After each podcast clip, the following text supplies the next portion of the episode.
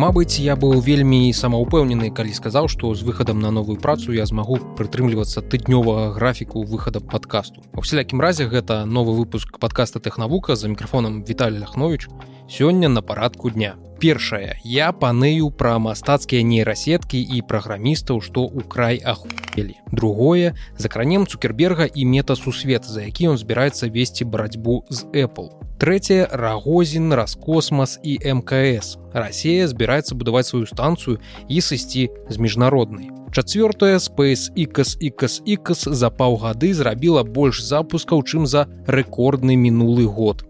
Чаму мяне гэта турбуе і апошняя выкрутасы Ілана маска мікрападпіска на падсрачнік ад бмв ды чарговы мега супер крыпта стартап усё гэта і проста зараз. Пачынаем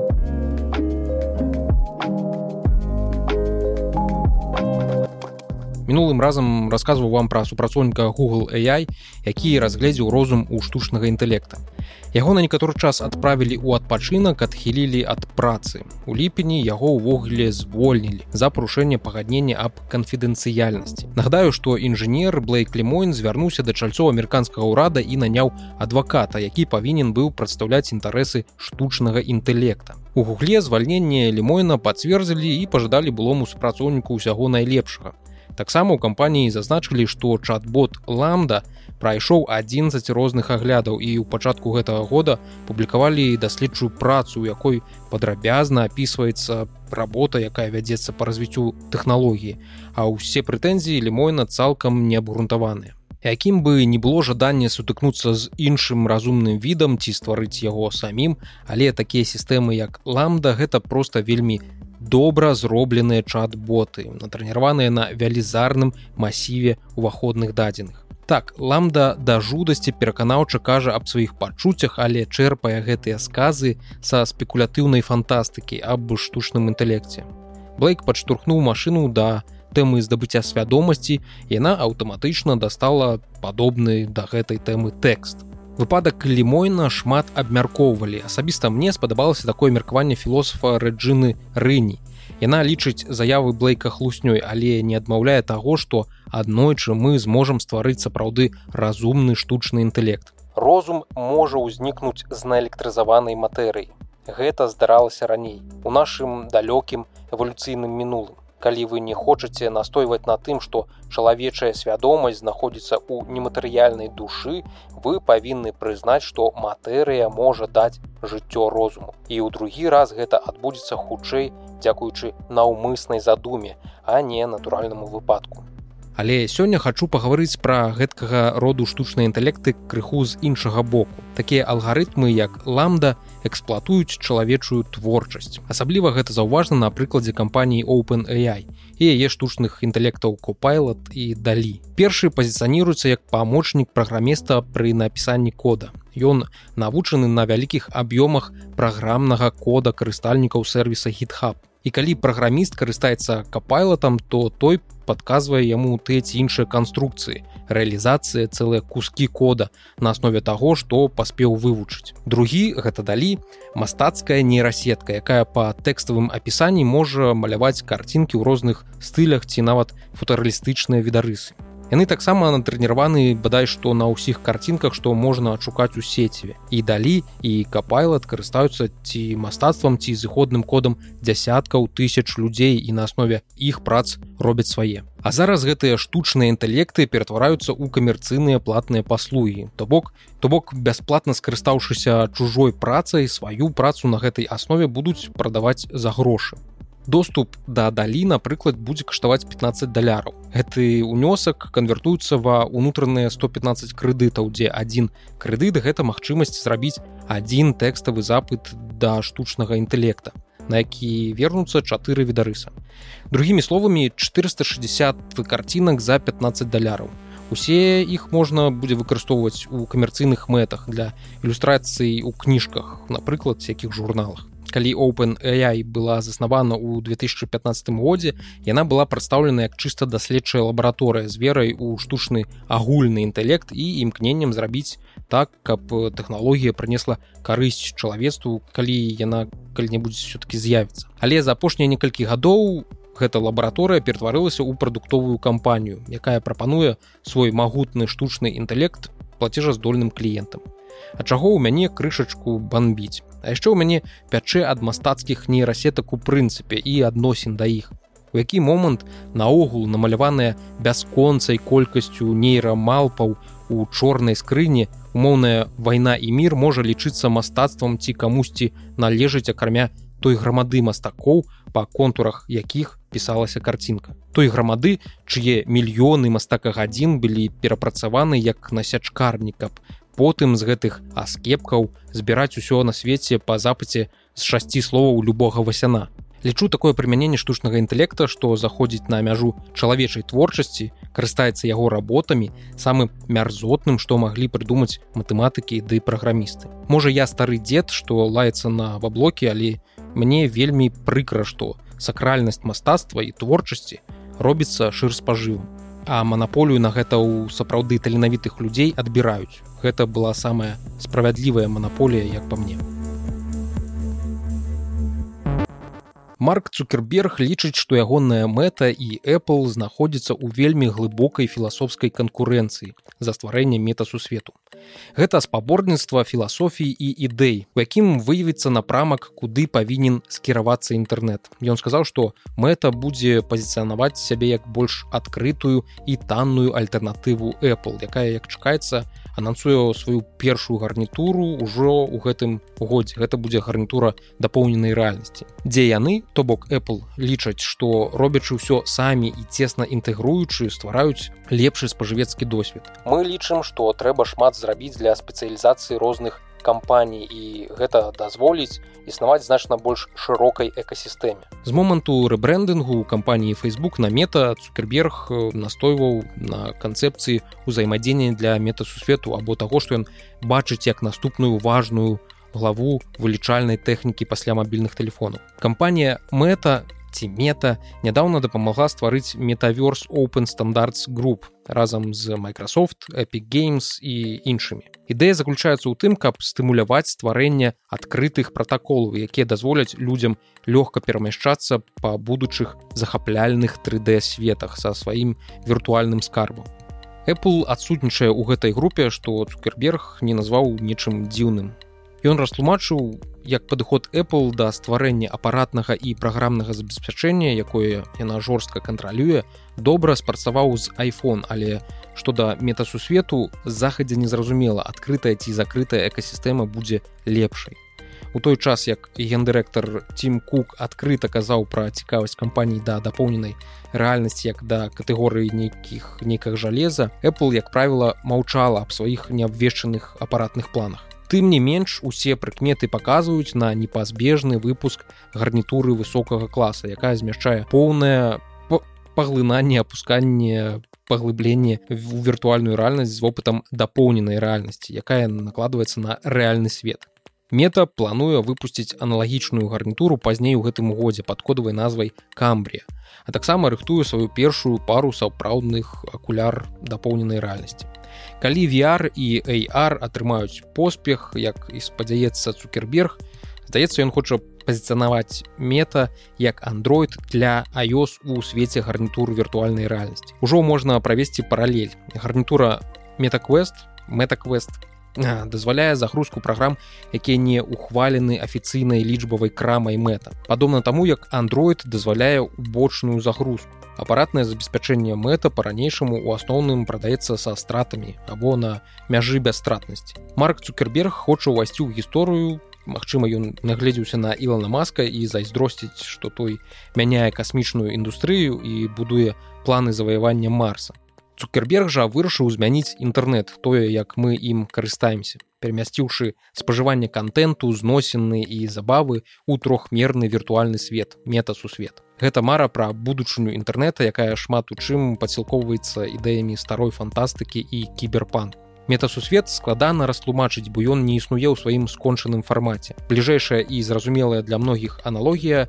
это фільм першаму гульцу прыгатавацца. Гаворка пра гіганцкую сетку трохмерных светаў і сімуляцыі якія візуалізуюцца ў рэжыме рэальнага часу. Могуць змяшчаць неабмежаваную колькасць карыстальнікаў якія знаходзяцца ў розных фізічных прасторах. У гэтых мірах будуць прысутнічаць старыя веб-сервісы ў новай абгорцы. Мачыма нават праграма вашага інтэрнэт-банкінгу у вас будзе свой трохмерны персаналізаваны аватар.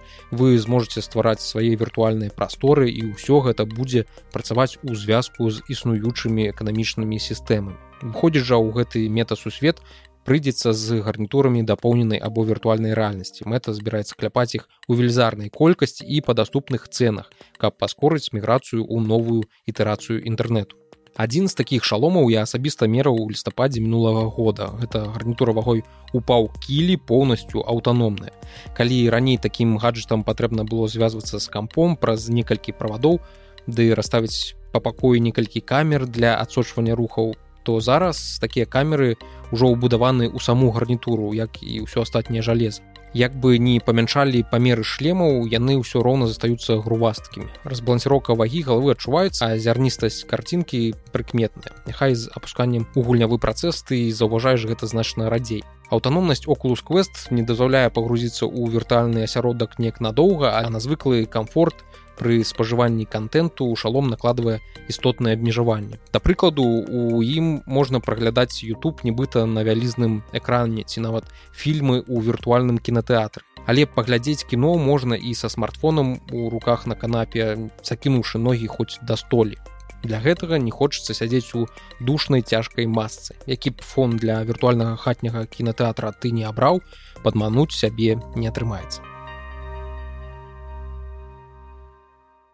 скандальны старшыня раскосмаса Дмітрый рагозін у мінулым месяцы быў адхілены са сваёй пасады пасля перастановак ва ўрадзе краіны яго замяніў юрый барысаў віцэ-прэм'ер рассіі па пытаннях космасу і абароны рагозін фігура адыёзная я вось так з калёс не магу прыпомніць чым бы цікавым з касмічнага пункту гледжання ён мог запомніцца але вось рознага кшталту скандалаў ды неадназначных публікацый у твиттары было шмат. Да прыкладу калі ў лютым мінулага года амерыканскі перзеверэнс даслаў першыя каляровыя здымкі з чырвонай планеты рагозін адрэагаваў самаробным мемам.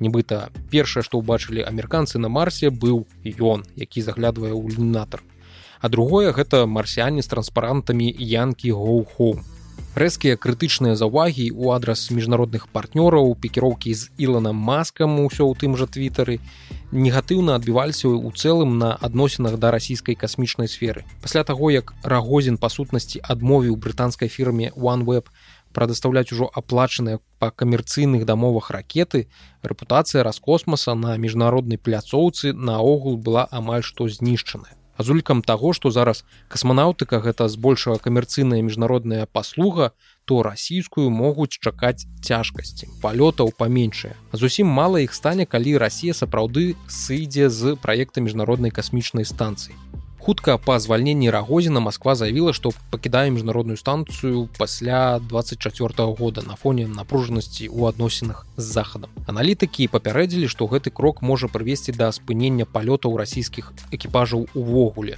з'яўляюцца важкай крыніцай гонару рассіі між тым новы галава раскосмаса барысаў плануе да гэтага часу пачаць будаўніцтва расійскай арбітальнай станцыі.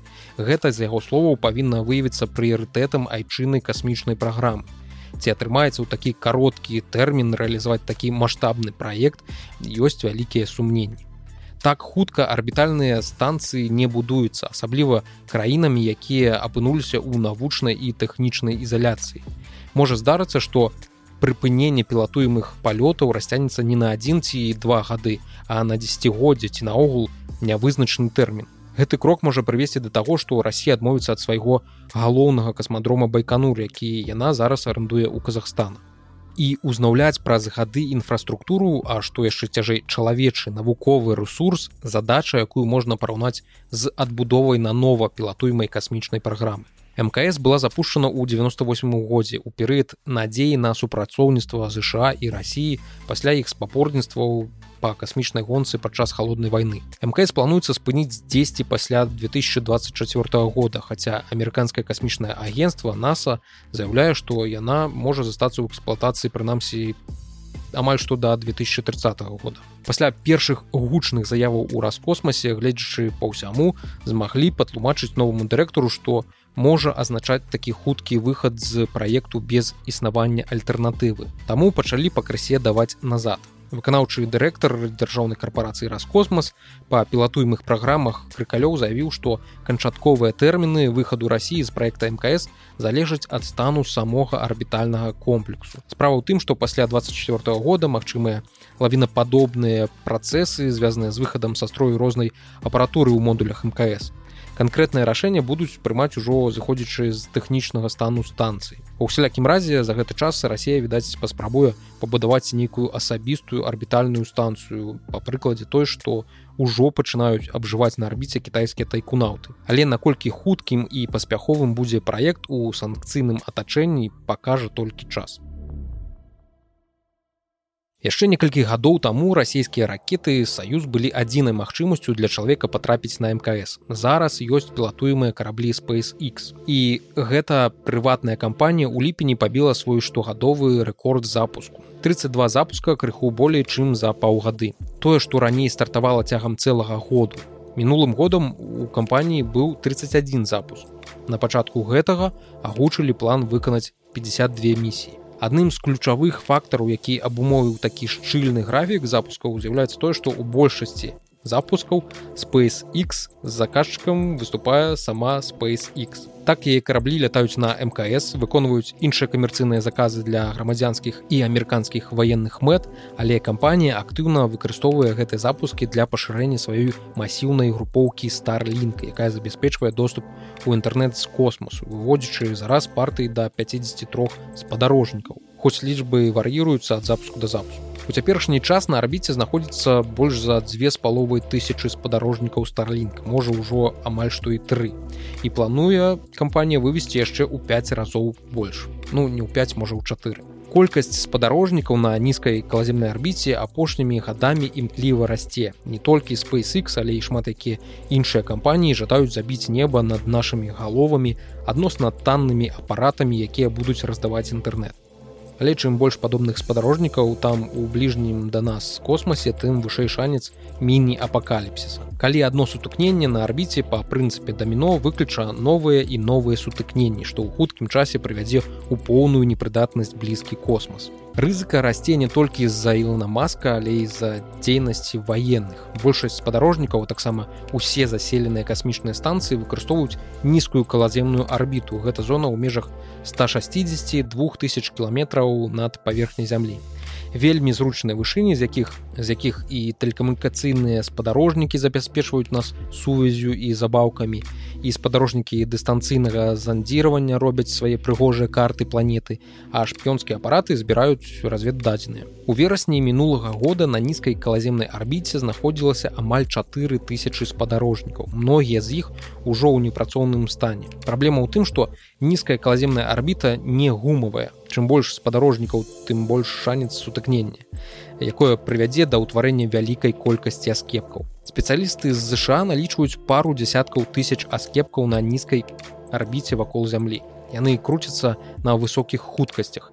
І кавалачак такога смецця памерам з манетку на хуткасці з десятак кіламетраў секунду можа наскрозь прабіць спадарожнік з неверагоднай сілай раздрабнюўшы яго на дробнай кавалачкі дзясяткі сотні і тысячы новых дробных кавалачкаў. У 2009 годзе здарылася самае першае і гучнае сутыкненне ў гісторыі нашага засваення космосу. Тады перасекліся траекторыі тэлекамунікацыйнага спадарожніка ірыдыум 33 і расійскага ваеннага спадарожніка космас 2251, які адпрацаваў сваё яшчэ 14 гадоў да гэтага. Два штучных аб'екта масамі 600 і 900 кілаграм сутыкнуліся тварылі па розным ацэнкам ад 600 до 2000 абломкаў рознай велічыні. Вялікая іх частка да гэтага часу знаходзіцца на арбіце і добра, калі сыдзе з яе ў бліжэйшыя два десяткі гадоў. Амерыка і Савецкі саюз асноўныя пастаўшчыкі касмічнага смецця. У часы халоднай вайны яны праводзілі іспыты супраць падарожнікавай зброі у найноўшай гісторыі да гэтай дзейнасці падключыўся Кітай. Зусім нядаўна ў лістападзе 21 года чарговыя выпрабаванні правяла Расія. На арбіце быў знішчаны спадарожнік космас 1408. парэшткі якога потым неаднаразова пралеталі побач з мкс і прымушалі экіпаж хавацца ў бульбу чым больш смецці на арбіце тым вышэй шанец што яно створыць яшчэ больш смецці што наўпрост вядзе да небяспечнай ланцуговай рэакцыі вядома як эфект кеслера. Дональд кеслер яшчэ ў 78 годзе апісаў гіпатэтычны сцэнар пры якім адно сутыкненне на арбіце можа прывесці да серыі новых а тыя выключыць каскад чарговых сутыкненняў праз пару ітэрацыі на нізкай каляземнай арбіце будзе дзецца форменны хаос. Здольны зрабіць калаземную прастору цалкам непрыдатнай для дзейнасці чалавека. Ніякіх новых спадарожнікаў, ніякіх падарожаў да месяца і марса, любы старт ракеты будзе суправаджацца не ілюзорнай рызыкай урэзацца ў купал з абломкаў вакол зямлі.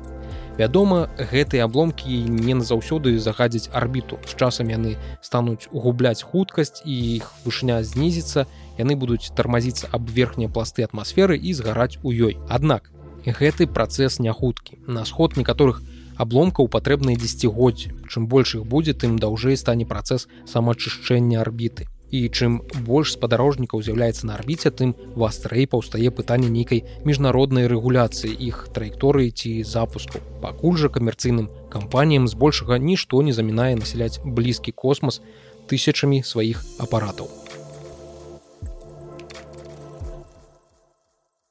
Я з павагай адношуся да многага з таго, што робіць Ілан Маск, але апошнія гады ўсё часцей нагадвае мне разбэшчанае дзіця. Разбэшчанае фанацкай любоўю і пакланеннем. Гэта да слова пра ўсё тую ж куплю твиттера. У кастрычніку гэтага года пачнецца судебны разбор справы маска і твиттера. самы багаты чалавек на планеце ўрэшце рэшт адмовіўся купляць садсетку. Нашто тая так проста маўчаць не збіраецца. Ад першага паведамлення пра куплю да позвы ў суд прайшло ўсяго некалькі месяцаў. яшчэ ў красавіку Ілон Маск быў усхваляваны пакупкай твиттера абяцаў трансфармаваць сайт прасоўваючы свабоду слова а сёння ён выглядае банальным скупердзяем і разбышаным дзіцём адначасова цытую заяву соцсеткі адносна паводзін маскам. Зрабіўшы публічны спектакль каб выставіць твиттер на продаж і прапанаваўшы а затым подпісаўшы выгаднае для прадаўца пагаднення аб зліцці маск відавочна лічыць што ён у адрозненні ад любога іншага на каго распаўсюджваецца дамоўнае права штата дэлавер можа свабодна перадумаць разграміць кампанію парушыць яе дзейнасць знішчыць кошт акцый і сысці У чарговы раз прадпрымальнік прадэманстраваў дзяцінства і як выказаліся ў пазове Twitter мадэль крывадушнасці. Тое, што агучвалася як здзелка стагоддзя ў галіне свабоды слова, выліваецца ў куды больш бруднае і далёкае ад маральнага крыжовага паходу дзейства. Маска абараняецца сцвярджэннямі, што Twitter не дала інфармацыю аб колькасці фэйкавых і спам аккаунтаў на платформе. Хоць соседка і дала яму самары метадалогіі, якая выкарыстоўваецца для ацэнкі ботаў лёгка зразумець чаму некаторыя лічаць ілна маска геннем які змяняе свет. З тэсла і spacex ён паабяцаў выкарыстоўваць тэхналогіі для выратавання цывілізацыі. І некаторыя са сваіх абяцанняў сапраўды выканаў. Паралельна стаў самым багатым чалавекам на планеце і сабраў натоўп прыхільнікаў. Ён стварыў вобраз чалавека на пярэднім краі будучыні. Для многіх сам ілан і ўвасабляе ў сабе будучыню Маск стаў мільярдэрам стагоддзя сацыяльных сетак. Ні ў Белагейца, ні ў Джефа Безаса не было і няма такой адданай вялікай і гучнай фанбазы. Чый ухваляльны гул адбельвае многія скандальныя выхадкі куміра, а іх апошнім часам здараецца занадта шмат. Нядаўняя гісторыя са звальненнем 5 супрацоўнікаў SpaceX, якія асудзілі паводзіны маска ў Twitter, іх усхвалявалі твіты боса, які публічна наехаў на супрацоўнікаў садсеткі і непрыстойна пажартаваў аб знешнім выглядзе білагейца. На выпадак, калі табе трэба хутка пазбавіцца ад стаяка. Так падпісаў ён фатаграфію гейца дзе ў таго бачны сеньорскі жывоцік зараз садсетку і прадпрымальніка чакае суд да якога ілан можа яшчэ значна пахіснуць свае пазіцыі калі не будзе трымаць рот на замку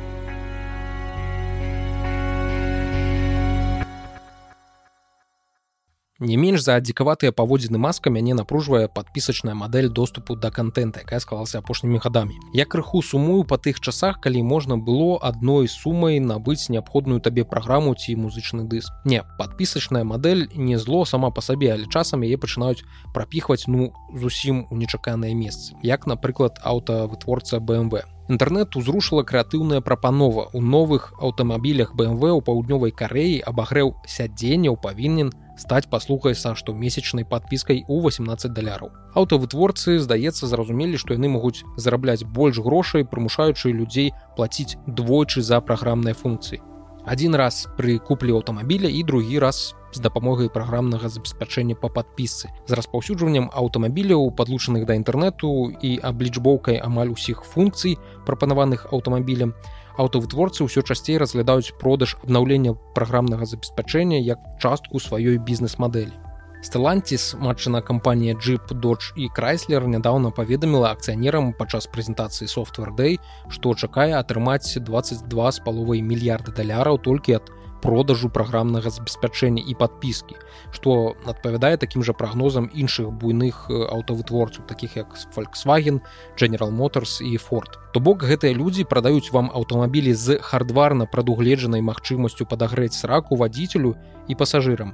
Але падагрэць яе можна толькі за месячную подпіску я вельмі моцна сумяюся што цана гэтай магчымасці першапачаткова не закладзена ў цану аўтамабіля ў салоне дзілера але будь добры заплаціць двойчы. А можа і тройчы і больш разоў гледзячы як шмат месяцаў будзе дзейнічаць подпіска ва ўсялякім разе вытворцы ў мінусе не застануцца Але ёсць і добрыя навіны. Яшчэ ў 2019 годзе калі бмв абвясціла што будзе браць з кліентаў 80 даляраў у год за выкарыстанне carplay некаторыя фірмы па кадаванні бмв прапанавалі доступ да убудаванай функцыі за долю цаны. То бок умельцы будуць перапрашываць мазгі машынам каб яны не рабілі мазгі сваім уладальнікам. За нейкую аднаразовую плату а не памесячны падатак на цёплую сраку Але тэндэнцыі нельга не заўважыць. Праграмнае забеспячэнне як паслуга стала асноўным метадам дастаўкі кліенту.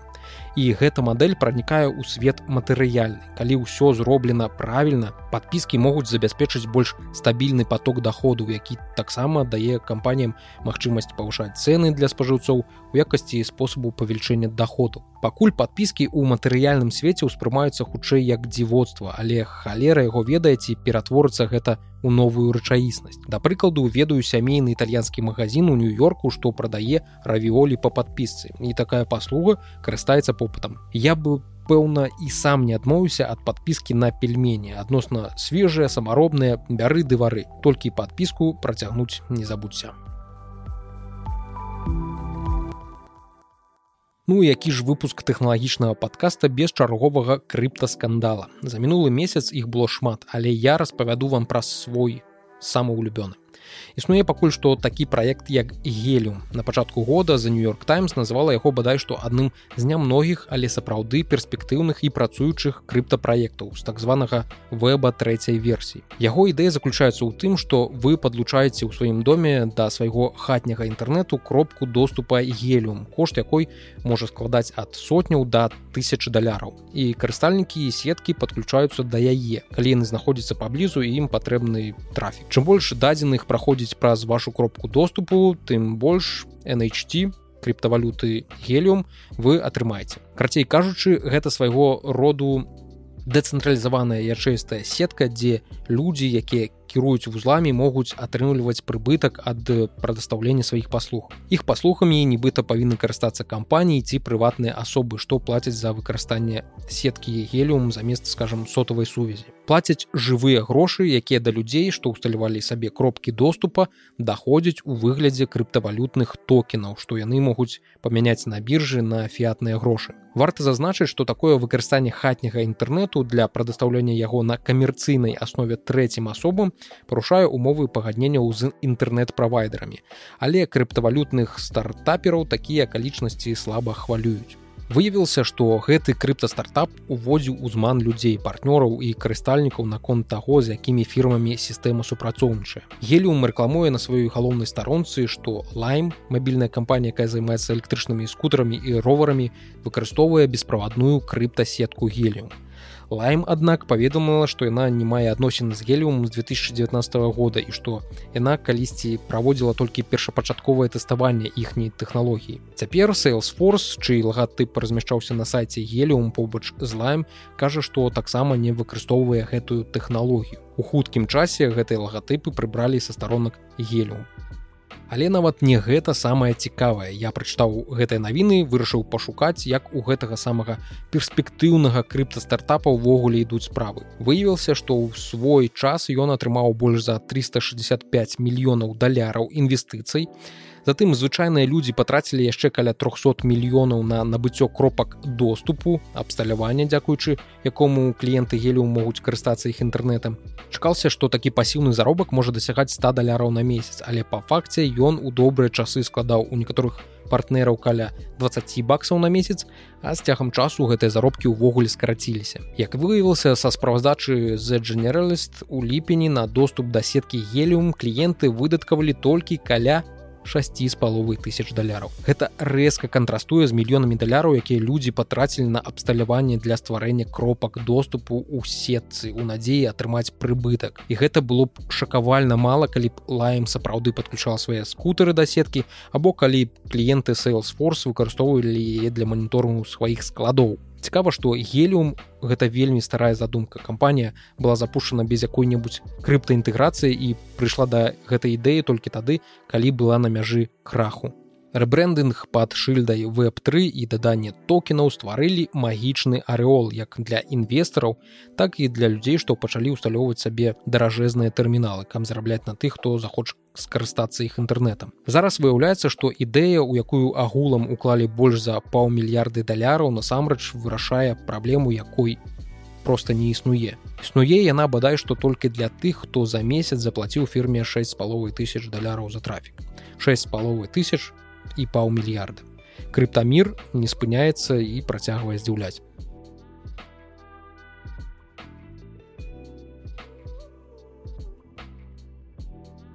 На сёння на гэтым у мяне ўсё. Дзякую тым хто даслухаў эпізод да канца. Спадзяюся не апошні раз чуемся. Так што бывайце